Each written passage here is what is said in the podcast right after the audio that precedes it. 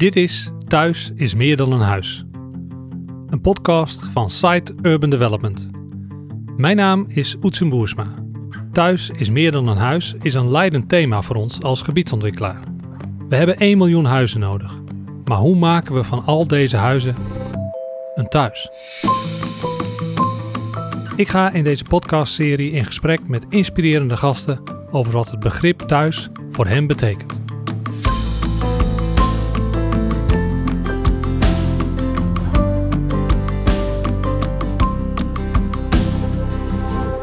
Welkom allemaal bij de podcast Thuis is meer dan een huis. Editie nummer 2 met twee gasten, Saskia Bosny en Lennart Graaf, die zich straks zullen voorstellen en hun interpretatie, hun gedachten bij Thuis is meer dan een huis eh, met jullie gaan delen. En ik wilde maar meteen mee beginnen. Dus uh, Saskia, uh, fijn dat je er bent. Dankjewel. Kun je jezelf voorstellen wat je doet?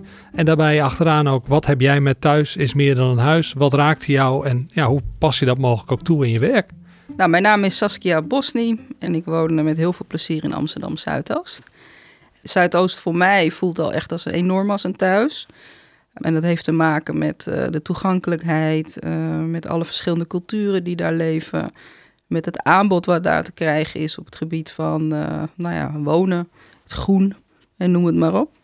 Ik ben de directeur van uh, Zuidoost City. En Zuidoost City is een gebiedsorganisatie die een fusie heeft doorgemaakt ongeveer anderhalf jaar geleden met drie partijen. Eén partij is Zuidoost Partners, die heel erg gefocust was op de city marketing van het arenagebied. En de andere was SoCity. Dat was een platform voor ontwikkelaars en beleggers die heel erg op, uh, particip met participatie bezig waren, gericht op het gebied Amstel 3. Dus dat is het gebied wat gelegen zit tussen uh, Arena en AMC. De derde was FASO. En FASO was echt het zakelijk netwerk, bedrijvenvereniging. Nou, die hebben de handen in één geslagen, met name ook omdat de gemeente graag een gesprekspartner wilde hebben, omdat er heel veel staat te gebeuren in Zuidoost krijgen echt 40.000 woningen erbij, uh, heel veel kantoorruimte. Dus we krijgen een heel nieuwe stad die gebouwd gaat worden. En daarbij is het wel belangrijk dat de organisatiegraad verhoogt. En vandaar ook dat Zuidoost City in het leven is geroepen ja. eigenlijk. Eh, best bijzonder hè, als je het zo bekijkt. Dat jij voelt je thuis in Zuidoost. Uh, dat is voor jou al heel veel. En je noemt ook allemaal dingen met groen en met ook een soort gemeenschapszin. Er komen nog 40.000 bewoners bij. Wat, uh, wat is er dan nodig? Wat moet deze Zuidoost City dan ook nog toevoegen om te zorgen dat dat nog beter wordt of precies hetzelfde zo gaat zoals voor jou dat voelt? Zuidoost heeft uh, best wel een, een imago. Maar als je mensen vraagt die daar wonen, dan zeggen mensen altijd: Ik woon hier echt heerlijk. En je krijgt mensen gewoon niet weg daar. Dus het gaat echt over 30 jaar, 40 jaar dat mensen al daar wonen wij als Zuidoost City, uh, we hebben een enorm netwerk. Dus niet alleen maar zakelijke, dus de bedrijvenkant, maar ook uh, heel veel uh, contacten met het onderwijs bijvoorbeeld. Maar ook hele goede samenwerking met de gemeente. Daarnaast ook een hele grote netwerk met bewoners. En um, op het moment dat er zo'n ontwikkeling gaande is, dan kijk je naar kansen.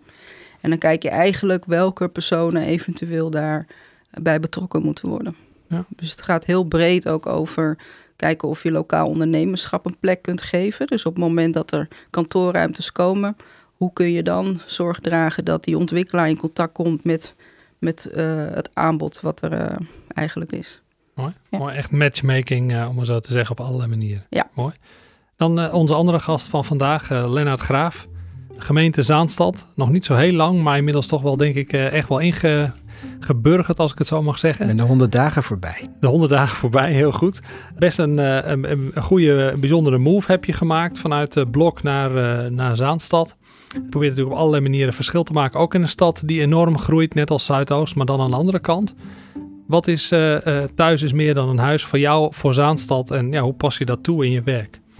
Wel grappig wat je zei, Saskia. Dat, je, je vertelde ook wat, wat, thuis voor jou is, zeg maar. Uh, ik woon in Delft. En ik zat mezelf, toen jij aan het praten was, ik te denken van... Wat is mij, voor mij thuis eigenlijk? Voor mij is thuis meer dan mijn huis. Thuis is voor mij Delft, zou ik maar zeggen. Uh, mijn huis is daarin natuurlijk belangrijk. Maar tegelijkertijd, als ik denk aan thuis, dan heb ik het eigenlijk over Delft... en het feit dat ik, dat ik zo het groen in kan lopen... maar ook het centrum van Delft in kan lopen, de voorzieningen heb.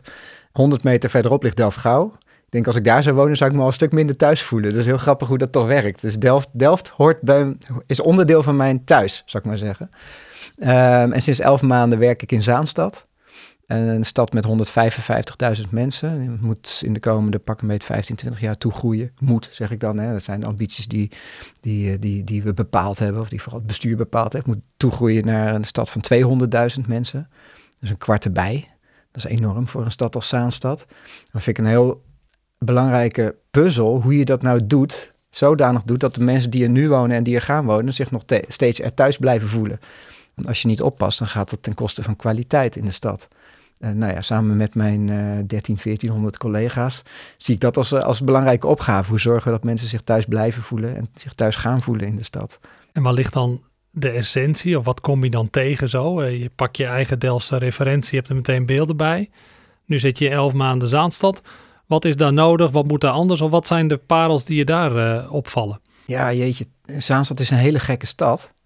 Heel anders dan Amsterdam, hè? vijf keer zo klein, zes keer zo klein, um, maar ook veel minder stad. Dus je hebt Zaandam, dat is wel echt stad, maar daaromheen heb je kernen.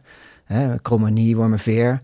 Um, dus eigenlijk is Zaanstad een constellatie van verschillende kernen en ook dorpskernen van oudsher, met een, met die allemaal een eigen identiteit hebben. Dus je hebt meerdere identiteiten in Zaanstad. En dat zie je eigenlijk ook langs die Zaan. Als je langs die Zaan fietst, dan zie je steeds ook die identiteit veranderen. En, en je hebt uh, brownfields zoals uh, de Achtersluispolder en, uh, en um, het Hembrugterrein. Maar je hebt ook Zaandam-Oost, wat eigenlijk Rotterdam-Zuidachtige problematiek kent.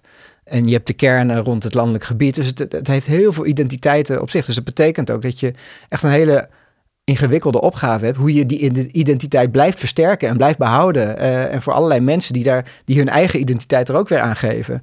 Dus um, uh, dat, dat vraagt dus ook om een heel gevarieerde aanpak, denk ik. En is die 25% groei... En wat opgeteld hebben jullie 100.000 inwoners erbij hè, met ja. deze twee. Dat, uh, maar is die 25% erbij, maakt dat het juist makkelijker? Kun je dan juist ook sneller dingen aan elkaar lijmen en misschien ja. ook een nieuw soort identiteit opbouwen, zoals het centrum van Zaandam natuurlijk ja. ook heeft gedaan? Ja. ja, maar het hangt er dan wel vanaf hoe je dat doet. En uh, kijk, het centrum van Zaandam vind ik wel een mooi voorbeeld. Je houdt ervan of je vindt het vreselijk.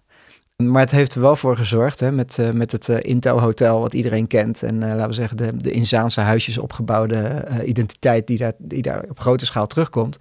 Zorgt er in ieder geval wel voor dat het herkenbaar is en dat het iets heeft toegevoegd aan de stad. En er is goed nagedacht over, over hoe je dat autoluw maakt, of autovrij maakt. En dat is een basis om ook de rest van het centrum te ontwikkelen. maar je moet dus eigenlijk heel goed nadenken over hoe dat weefsel er over 10, 15, 20 jaar zou uit moeten zien en wat dat nu vraagt aan ingrepen. En je moet dus niet denken vanuit het vandaag naar de toekomst toe, want dan gaat het dus mis. En dat, um, en dat zie ik in alle steden, dat is, dat is heel lastig. Dat is voor uh, gemeentebesturen lastig, dat is voor ambtenaren lastig, dat is voor ontwikkelaars lastig. Uh, maar over 10 jaar is, is de stad echt wezenlijk anders dan nu en dat vraagt om dat we er vandaag andere ingrepen doen. Op een andere manier nadenken over onze mobiliteit. We zitten hier in een, in een studio aan een park ja, iedereen wil aan een park wonen, toch? En niet aan een parkeerplaats. Maar we bouwen parkeerplaatsen met woningen eromheen. Als we dat anders willen, moet je daar vandaag mee beginnen. We moeten vandaag mee beginnen. En jullie zijn daarmee aan het beginnen, als ik maar even het bruggetje mag maken naar Zuidoost, waar bijvoorbeeld zo'n Honsrugpark wordt ontwikkeld. En je hoort nu Lennart zo ook praten over identiteit maken. Uh, en dat Zaandam met uh, toch uh, ja, Anton Pieck-achtige beelden. Tenminste, ik denk dat we die bijna allemaal in Nederland kennen. Wat zegt dat voor jou, Zuidoost? Is, is een, zo'n belangrijke identiteitsdrager oh, ook ja. belangrijk voor dat thuisgevoel, voor ja. die binding? Ja, ik denk pak en beet. Uh, anderhalf jaar geleden is er ook een groot onderzoek geweest naar wat mensen voelen bij Zuidoost. Dus ook wat het DNA is van Zuidoost. En er zijn heel veel bewoners geïnterviewd en ook ondernemers. En er zijn zes kernwaarden uitgekomen die, um, die ook echt bestempelen van wat Zuidoost dan betekent. Ik denk dat dat een hele belangrijke stap is om na te denken over de identiteit van een stad. En een van de kernwaarden was bijvoorbeeld uh, dat mensen heel eigen gereid zijn, nou ja, koppig en dat klopt helemaal. Dat zijn we ook echt in Zuidoost. En um, daarnaast ook dat er heel veel ondernemerschap is. Uh, daarnaast ook dat we heel veel groen en ruim hebben. Vanuit die optiek, vanuit die kernwaarden, is er ook op een gegeven moment een heel mooi beeldmerk ontstaan. Want een van de kernwaarden was ook de creativiteit en de culturele diversiteit. Um, waar dus die culturele diversiteit en al die kernwaarden ook in terugkomen. En ehm, dat is een beeldmerk waar je eigenlijk zegt van je mag je identiteit meenemen. Je mag vanuit verschillende culturen, 170 nationaliteiten ondertussen in Zuidoost, die mag je dragen, daar mag je trots op zijn. En uh, dat beeldmerk is eigenlijk een, een manier om te zeggen van um, binnen al die ontwikkelingen, denk ook aan de mensen, om het heel menselijk te maken. Mensen kunnen dat niet zien hier, maar ik heb het wel gewoon bij me meegeno meegenomen. En wat je ook ziet, het is eigenlijk uh, een, een, manier hoe je um, de kernwaarden dus terug ziet komen uh, naast alle culturen die je ziet. Maar ook bijvoorbeeld de vogels die je ziet en uh, nou ja, reiger is dan weer, kenmerkt weer ook weer de natuur. En ons winkelcentrum heet ook Rijgersbos. Dan heb je gans staat erop, ganzenhoeven bijvoorbeeld. Dus ik denk wel dat dit een hele belangrijke methode is geweest. En ik ben blij dat Amsterdam ook echt een uitzondering heeft gegeven aan Zuidoost om eigen beeldmerk uit te dragen. Ja, want jullie zijn, hè, je laat zien hè, voor de luisteraars, uh, uh, groeten uit Zuidoost. Hè, de good old post, postcard, waarvan ik niet eens weet of Zaandam die heeft of Zaanstad. Maar, en inderdaad, daar ben je buiten Amsterdam. Je mag als Zuidoost jezelf profileren. Wat, betekent dat? Ik bedoel, los van dat het jou natuurlijk die positie geeft om de hele stad. Maar wat zegt dat ook over uh, dat het een ander soort stad is? En waar, waar merk je dat dan ook aan? Nou ja, wat, wat je ziet is, uh, überhaupt dat we die uitzondering gekregen hebben, vind ik al een hele mooie stap. Want je mag dus binnen Amsterdam. En als je aan mensen vraagt, voel je als onderdeel als Amsterdam, zeggen ze eigenlijk nee. Uh, want ik ben onderdeel van Zuidoost. En dat zie je ook op de kaart. Als je dat gewoon geografisch zie je ook dat Zuidoost niet vastzit aan Amsterdam. Um, en ik vind dat je daar dan ook echt kan laten zien van uh, mensen kunnen hun trots gewoon uitdragen. En dat is heel lang niet geweest, want ook in de media veel negativiteit. Terwijl uh, het zo'n hele mooie onderdeel is van Amsterdam. Uh, waar mensen zich ook echt heel prettig voelen. Um, ja. ja. Toch een beetje vergelijkbaar met Krommenie ten opzichte van Zaanstad, denk ik dan. Hè? Precies, dat bruggetje wil ik ook ja. maken. Hoe, hoe, zie je dat dan, Lennart? Want uh, je hebt ook al die kernen, of het nou Wormer is, waar ik dan wel eens uh, een van Roosmalen wat over hoor, mm -hmm. hoor, zeggen, of het is een Krommenie of een Assen-Delft. Is daar ook ruimte voor in Zaanstad om, om eigenlijk los te breken onder dat juk van het grote Zaanstad? Ja, volgens mij is niet eens de vraag of er ruimte voor is. Volgens mij is het er. Want iemand uit Krommenie voelt zich denk ik meer uh, een Krommenier dan een Zaankanter. Maar uh, ik woon er nog niet, of ik werk er nog niet lang genoeg om, om, om te doorgronden hoe dat zit hoor. Maar uh, ik kan me voorstellen dat je, dat je als je... Zaanstad is jonger dan ik. ik ben één jaar ouder dan Zaanstad. Ik ben 48. In een kleine 50 jaar dat is heel gek, maar ik denk dat je in, klein, in een kleine 50 jaar nog niet een identiteit van een, van een stad hebt op het moment dat je, dat je verschillende kernen samenvoegt. Volgens mij gaat daar honderden jaren overheen en, uh, en, groeit dat. En, dat. en dat vraagt dus ook om een heel andere aanpak in Zaandam dan in Krommenie bijvoorbeeld. Dat betekent ook dat je moet differentiëren. Uh, maar het betekent ook dat, en dat heeft soms ook vervelende kanten, want je zou ook kunnen zeggen in Zaandam-Oost hebben we zodanig problematiek, woont een derde van de mensen van Zaanstad dat je daar misschien wel ook veel meer moet investeren dan in de andere gebieden. En dat is ook, dat moet je dus als gemeentebestuur ook gaan bepalen. Want dat betekent misschien wel dat we twee derde van onze middelen inzetten ten behoeve van een derde van onze be bevolking. Uh, maar dat is waar het echt waar het, meeste pijn doet, zeg maar. Uh, dus dat soort kanten zitten er ook aan. Ja, ja jullie zitten beide vanuit een grote groeiende uh, kernopgave steden. Heel veel ambities bij elkaar. We hebben het veel over wonen, maar ook werken noemt Saskia al. Het zal ook in, in Zaanstad een belangrijk thema zijn. Uh, nou is de overheid ja, toch wel veel ambities aan het stapelen. Er moet heel veel tegelijk. Klimaat, mobiliteit, energietransitie. Nou, we verzinnen bijna elke week weer een nieuw thema. Hoe, hoe doe je dat, uh, Lennart, in de praktijk? Hoe, vanuit deze rol, elf maanden bezig, je wil een verschil maken. Hoe, hoe werkt dat en waar loop je tegenaan? Of wat krijg je eigenlijk wel makkelijker voor elkaar dan je had gedacht? In een tijd dat we met vluchtelingenvraagstukken zitten, krijgen we dat veel sneller voor elkaar dan ik ooit had durven denken. Dat vind ik echt fantastisch om te zien hoe snel we in staat zijn om tijdelijke plekken, tijdelijke thuizen te realiseren voor mensen die dat nu heel erg hard nodig hebben. dan praat je over, uh, over honderden en intussen misschien wel duizenden in de regio uh, uh, woningen voor vluchtelingen uit Oekraïne. Maar daarnaast nog uh, andere uh, asielzoekersstromen en kwetsbare groepen. En hoe snel we het voor elkaar krijgen om daar een thuis voor te bieden. Eerst een thuis met een paar schotjes ernaast. en daarna een thuis op een cruiseboot die in de haven wordt gevaren. En daarna een thuis door middel van een modulaire woning die intussen nu besteld wordt, bij wijze van spreken.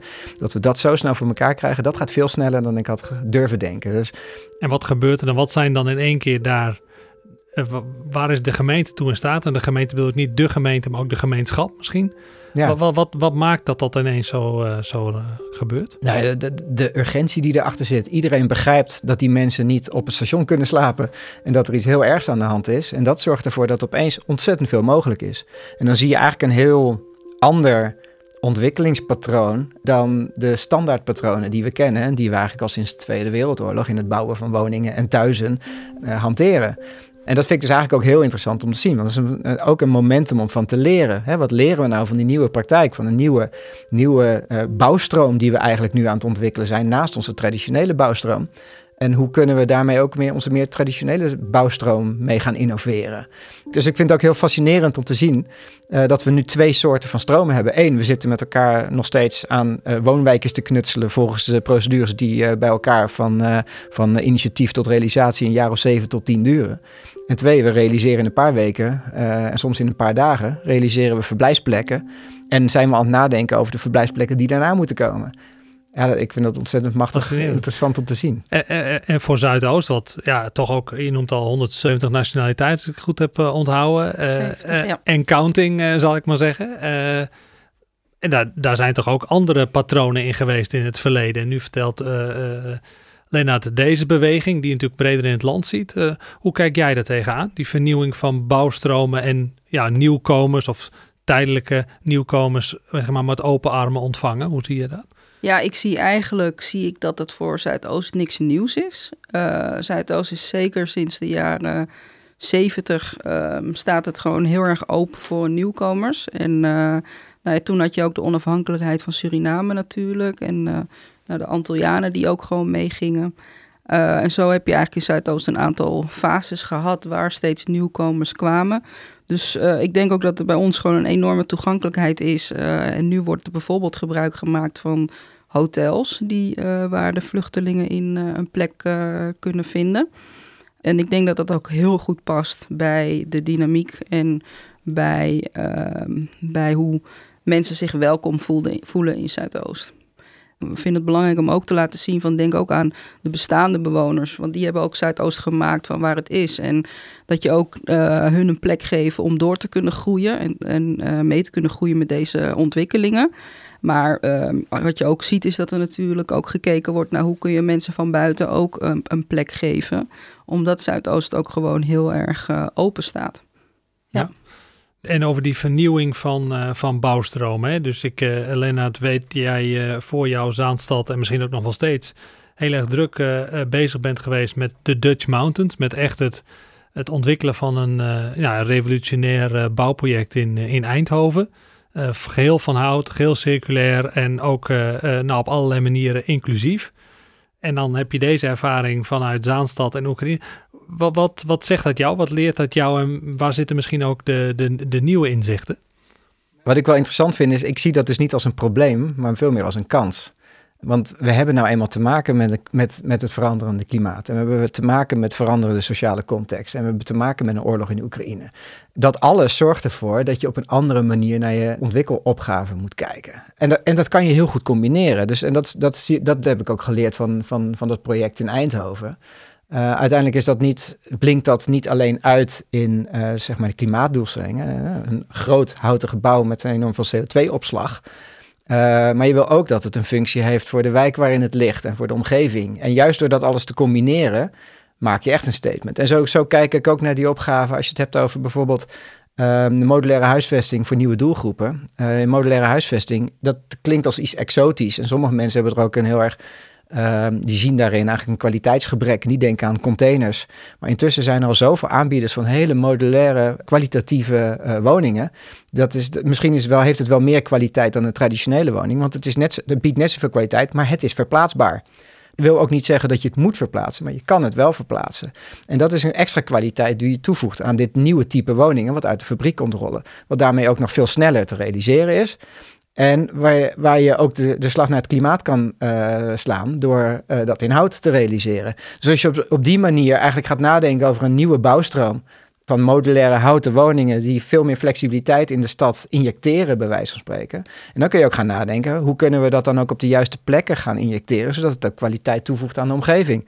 Of hoe kunnen we dat niet, hoe kunnen we dat niet aan een parkeerplaats bouwen, hoe kunnen we meteen een park erbij aanleggen waarmee je ook weer kwaliteit toevoegt aan die omgeving. Dus ik zie het eigenlijk als de uitdaging om al die opgaven aan elkaar te knopen en, um, uh, ja, en antwoorden te bieden op gewoon maatschappelijke behoeftes. Ja, en, en uh, over dat thuisgevoel, hè, want we hebben het nu over modulaire huizen bouwen, om even zo te zeggen. Uh, en je zegt ook, dat moet ook op de goede plekken staan. dat is essentieel, er moeten ook de juiste voorzieningen bij komen. Uh, in hoeverre is dat belangrijk? Is, uh, natuurlijk, die huisvesting is echt de eerste primaire levensbehoefte, dat dak boven het hoofd. Maar ja. hoe, hoe, werkt dat in de praktijk in Zaanstad? Wat voor soort dingen doe je om dat thuisgevoel snel op te starten? Ja, uh, wedervraag. Weet jij, weet jij wat thuisgevoel, wat er nodig is om een thuisgevoel te hebben bij mensen? Uh, de wedervraag. Ja, dat is een goede wedervraag. Die, deze wedervraag uh, ga ik ook zeker beantwoorden, maar ik ga hem eerst misschien even aan Saskia stellen. Hoe werkt dat? Ik hem eigenlijk even doorsturen. Ja, ja, zo kunnen we een ik, ik, ik, heb het uitgezocht namelijk. Ja, ja. je hebt het uitgezocht. Ja. Nou, dan, dan, gaan we je toch eerst toch even jouw antwoorden en dan gaan wij erop reflecteren. Dat is goed, dat is goed. Er is een onderzoek naar gedaan, heb ik uitgevonden. En er zijn vier factoren die het maken dat je je thuis voelt. En de eerste is dat je er kan terugtrekken. Dus het gaat heel erg over je eigen plek hebben. Tweede gaat over controle erover hebben. Dus dat in je eigen huis heb je controle over wat er gebeurt en overkomt je niks, zeg maar. Het derde gaat over verbondenheid. Nou, dat is wat ik net noemde over Delft. Hè. Ik voel mij verbonden met Delft en niet met Delft Gauw. Maar je voelt je ook verbonden met mensen en met je buurt. En, uh, en vierde gaat over identiteit. Nou, dit zijn dus eigenschappen die je nodig hebt om je thuis te voelen. Uh, ik vond het wel leuk om te lezen, want ik heb het uitgezocht uh, om deze podcast uh, goed voorbereid in te gaan. Hoort het, Lennart, dat is het enige wat ik heb uitgezocht, maar nee. en, maar het zet je wel aan het denken, hè? want als je dan kijkt naar nou, bijvoorbeeld zo'n vluchtelingenvraagstuk, hoe zorg je ervoor dat mensen ook daadwerkelijk de controle hebben over hun eigen omgeving. Nou ja, in, in een hal met uh, schotjes heb je dat niet. Hè? Dus, dat is natuurlijk heel primair, uh, dat je dat kan terugtrekken. Nou, ook als je straks naar wat meer, um, uh, wat meer permanente oplossingen gaat, of semi-permanente oplossingen, dan ga je hier ook naar kijken. Van hoe zorg je dat het ook identiteit toevoegt aan een gebied, of dat je daar in af aan kan bijdragen, of dat je de voorzieningen kan realiseren waarmee je ook, waarmee je ook verbonden voelt met, met de wijk. Of, maar ook wat doe je met de bestaande wijk? En hoe zorg je dat je daarmee ook identiteit toevoegt? En daarom zei ik, ik zei niet voor niks, misschien moet je er ook wel een park aan toevoegen als je dan toch woningen gaat toevoegen. Dat je ook over dat soort maatregelen gaat nadenken om zeg maar die leefomgeving fijner te maken en, die en uh, plekken te realiseren waar je met elkaar verbonden kan zijn. Juist. Dus misschien gaat het wel om veel meer dan kijken naar de woningen, maar ook naar de omgeving. Uh, we hebben net geleerd hè, van, uh, van Lennart uh, de, vier, de vier elementen vanuit het onderzoek. Is dat iets wat je herkent of zeg je van nou, dat is eigenlijk, daar valt misschien nog wel wat aan toe te voegen of wat te veranderen? Nou, ik ben sowieso benieuwd wie dat onderzoek heeft geschreven. Ik wil het wel even controleren. maar ik geloof je wel, want ik vind het wel, het zijn goede elementen. En um, ja, ik, ik zit een beetje, wat mij net te binnen schoot, is dat... Um, wij zijn uh, vooral in het gebied Amstel 3 komen daar heel veel woningen uh, bij, maar we zijn ook bezig met de plinten daar.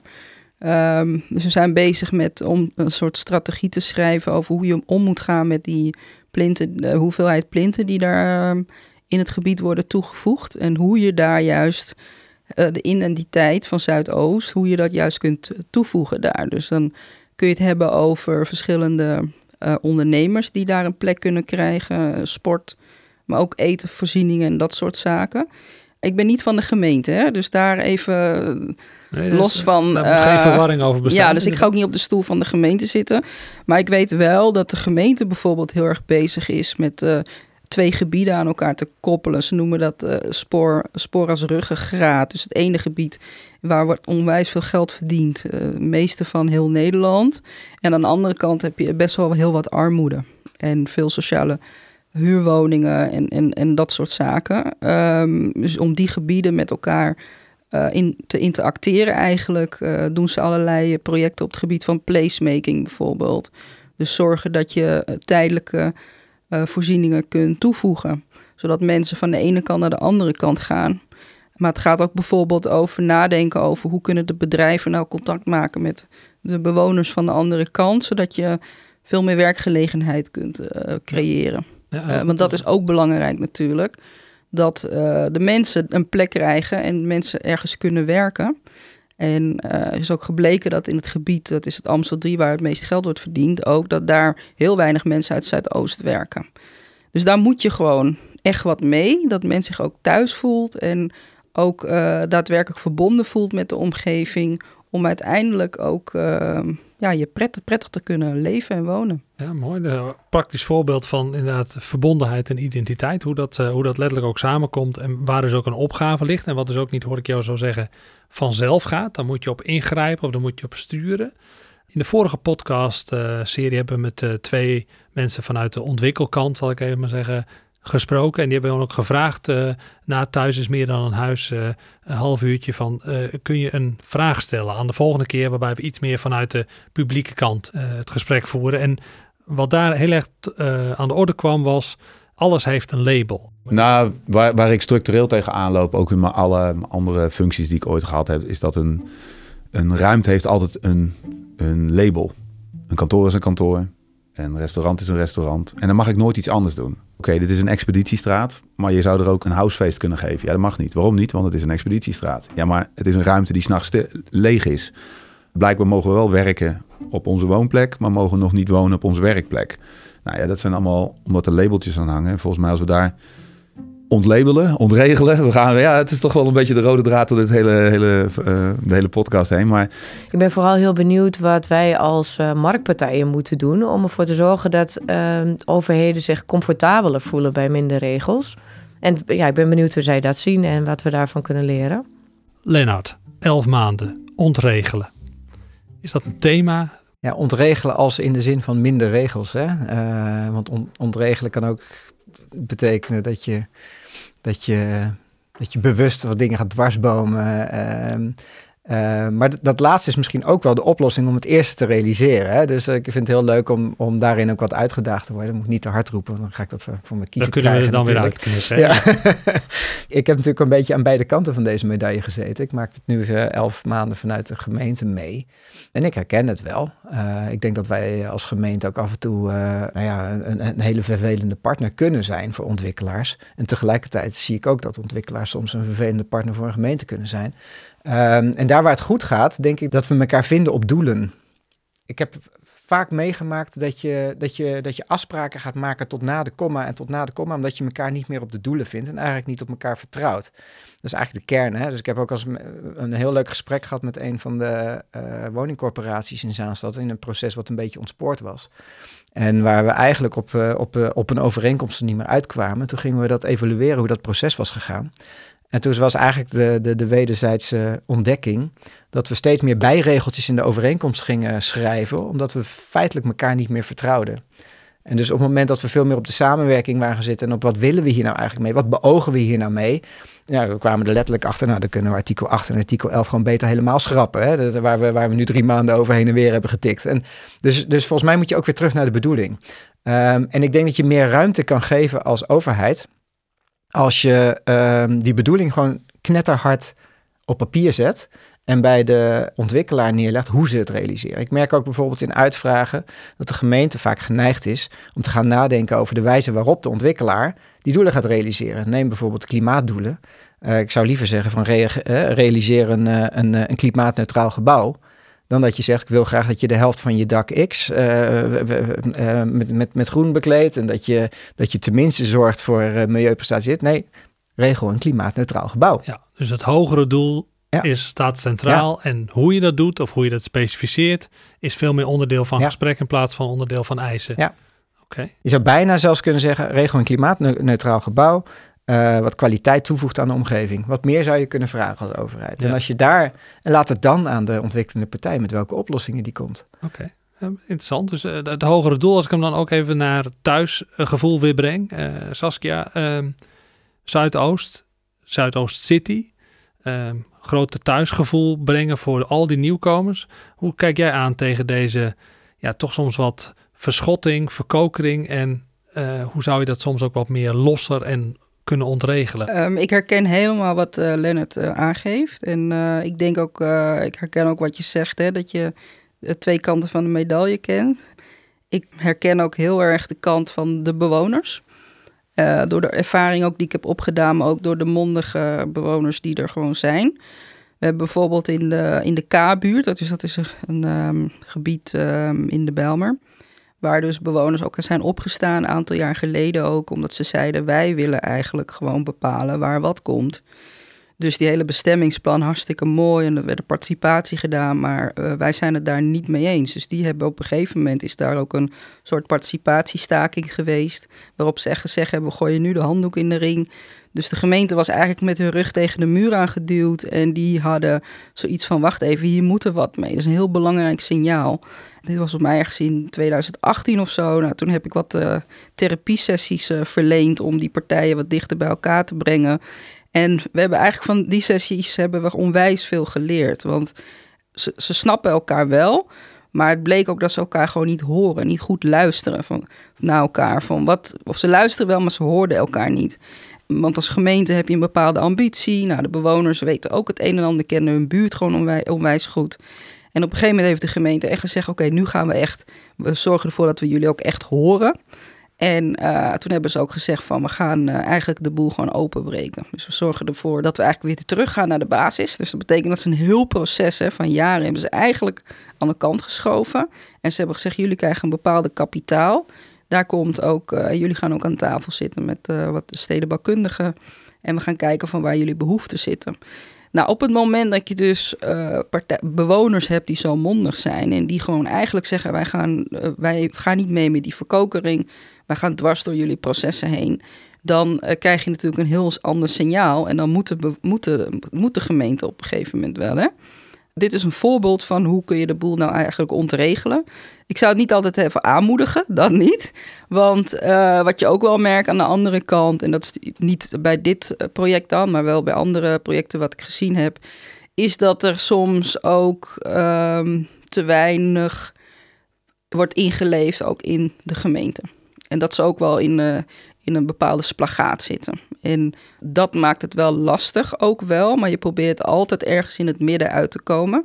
Het is een illusie als je denkt je komt heel dicht bij elkaar, maar je kunt wel dichter bij elkaar komen. En ik denk dat dat ook altijd een hele belangrijke doelstelling is, om te kijken van hoe kun je toch een constructieve dialoog met elkaar voeren en toch kijken hoe je wat dichter bij elkaar kunt komen en um, ja, nadenken, net wat jij ook, ook zegt, over die doelen, die hogere doelen die je met elkaar hebt. Ja, waar je het dan wel over eens kan zijn en over misschien andere dingen kun je nog van mening verschillen. Maar in ieder geval ga je wel de goede kant op, dat hoor ik je zeggen. En dat kan dus dan ook heel erg radicaal bottom-up zijn.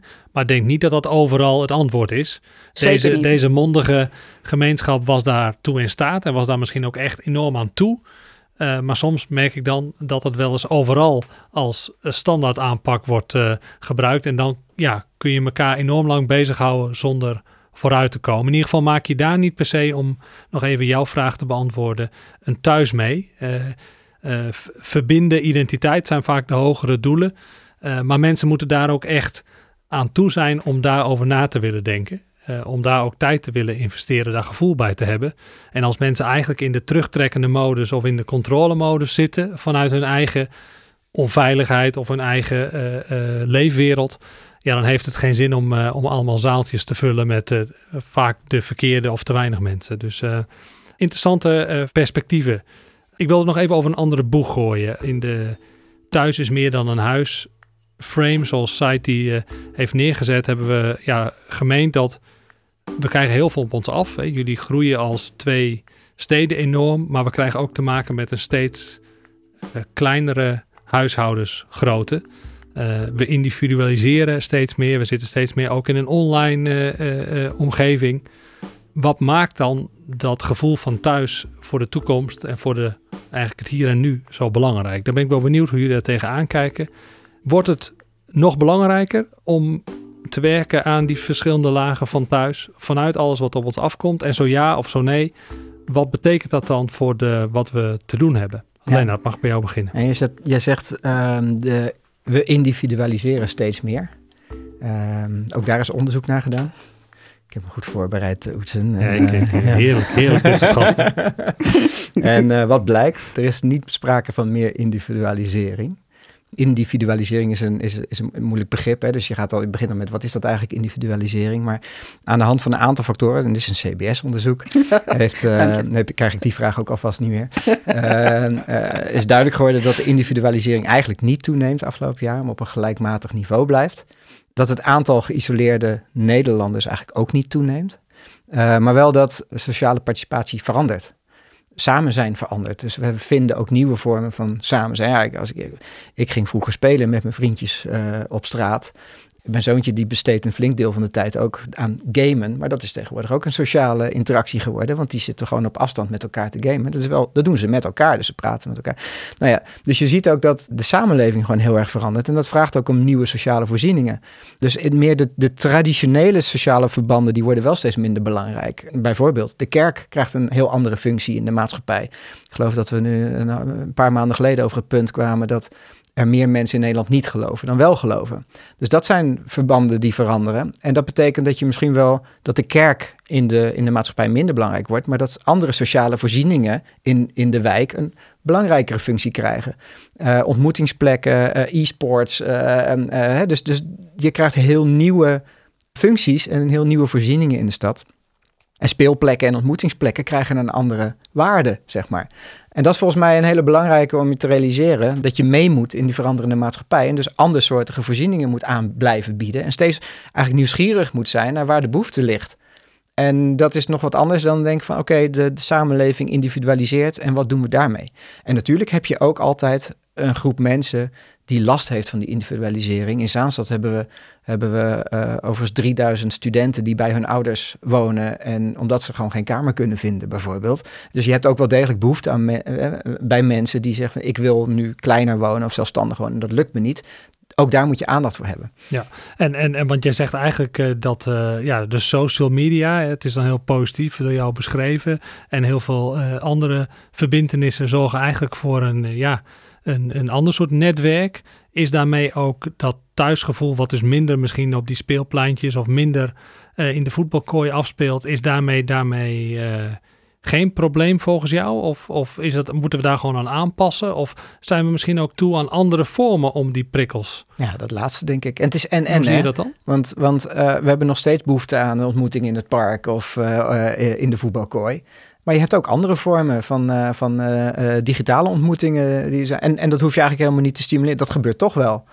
Volgens mij moet je dan veel meer gaan kijken naar voor welke mensen is de huidige maatschappij echt. Hè, welke mensen kunnen niet mee en wat gaan we voor die mensen doen? Ja. Of welke speciale doelgroepen hebben op dit moment gewoon voelen zich niet thuis letterlijk kunnen zich niet thuis voelen omdat ze in, op een plek wonen uh, waar ze niet meer willen wonen. Of omdat ze nog bij hun ouders wonen. Of omdat ze simpelweg hè, of gescheiden zijn en, uh, en geen woning meer kunnen betalen. Of, uh, en wat doe je voor die mensen? Maar daar moet je dus heel gericht naar gaan kijken.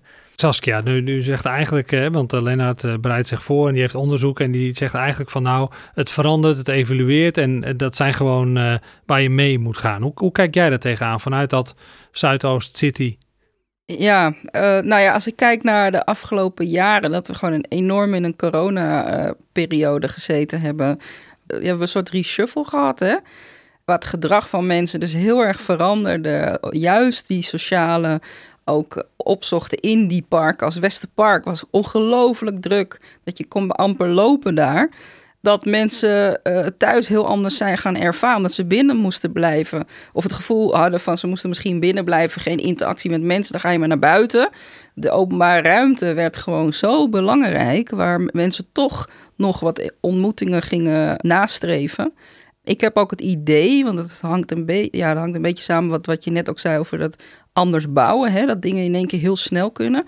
Ik heb wel het idee dat het corona, dat het, eh, dat het voor heeft gezorgd dat mensen gewoon of helemaal tot zichzelf gekomen zijn van waar zijn we eigenlijk mee bezig geweest en heel anders over de samenleving zijn gaan denken, denken meer aan, aan een ander, dat gevoel heb ik, hè? toch wel meer de, het bekommeren om elkaar, dat dat wel is toegenomen door die corona en dat men ook beseft van het gevoel van ik, ik heb een ander ook echt nodig.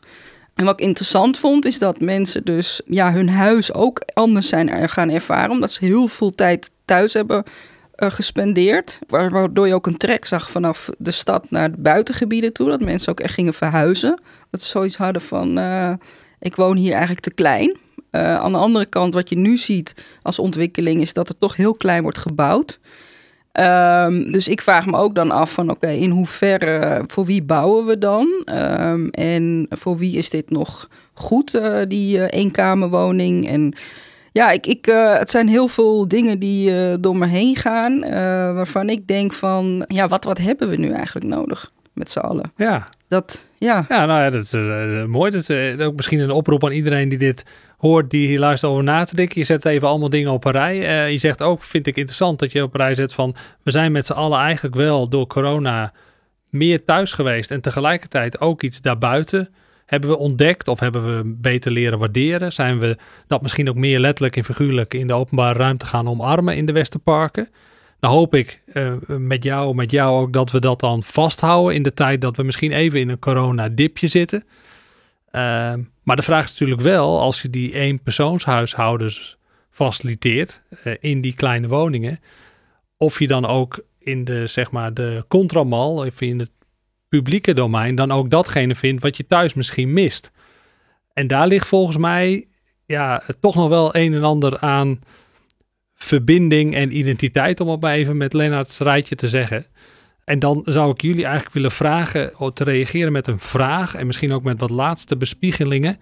Eh, de volgende podcast wilde ik graag eh, eh, mensen uitnodigen die echt bezig zijn met de community, met de bottom-up, met ook de alternatieve organisatie die eigenlijk het heft in handen neemt om een thuisgevoel te ontwikkelen en te behouden. Zouden jullie voor deze doelgroep en deze mensen ook misschien een boodschap, een vraag mee kunnen geven? Lennart, mag ik met jou misschien beginnen? Met de laatste dingen die je op je lever hebt over thuis is meer dan een huis. En een vraag voor deze derde podcastserie. Ik heb nu eh, onderzoek gedaan naar eh, wat eh, de vier factoren zijn om je thuis te voelen. Hè? Waar ik eigenlijk wel benieuwd naar ben, is wat zijn nou de, de factoren die uiteindelijk die verbondenheid, een van die eigenschappen, ook daadwerkelijk sterker maken. Als je het hebt over communities, wanneer, wanneer is iets een community? Wanneer, wanneer, wanneer spreek je dat aan? Wanneer, wanneer is die verbondenheid er? Dus ik vind dat eigenlijk, dat zou ik graag willen weten. Hoe organiseer je dat? En wanneer is het er? En, en wat zijn daar dan de succesfactoren achter? Mooi, die nemen we mee, Lennart. En bij jou, Saskia. Ja, er zijn natuurlijk heel veel verschillende soorten communities. Maar ik, ik denk wel dat er altijd wel een bepaalde structuur te, terug te herleiden is. Voor die communities dan, eh, wat betekent dan bijvoorbeeld die sociale participatie? En eh, wat draagt het dan bij aan het thuisvoelen? Dus eh, dat ze misschien daar wat over kunnen, kunnen vertellen. Over wat ze doen en wat betekent dat dan en wat draagt het bij aan het thuisvoelen. Mooi, nemen we mee. Is er nog iets bij jullie blijven liggen? Heb je nog iets onderzocht, voorbereid, waarvan je zegt, nou, dat is helemaal niet aan bod gekomen, dat wil ik toch nog even delen?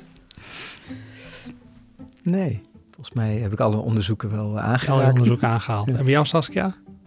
Nou, ik zou zeggen van eh, nodig iedereen uit om naar Zuidoost te komen en gewoon daar de fiets te pakken en gewoon rond te gaan fietsen. Eens te kijken wat voor leuke rondleidingen er zijn. Of het nou kunstroutes zijn of door het groen.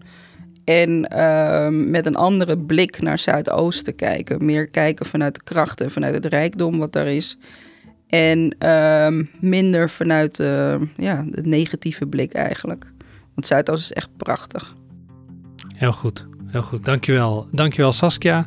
Dankjewel Lennart voor dit gesprek. Dankjewel luisteraars voor de tweede editie Thuis is meer dan een huis. Ik hoop jullie de volgende editie weer te zien. Tot dan, wel thuis. Bedankt voor het luisteren naar de podcast Thuis is meer dan een huis. Deze podcast is gemaakt door Site Urban Development in samenwerking met Spraakmaker Media en redactiegasten. Hopelijk tot de volgende keer wel thuis.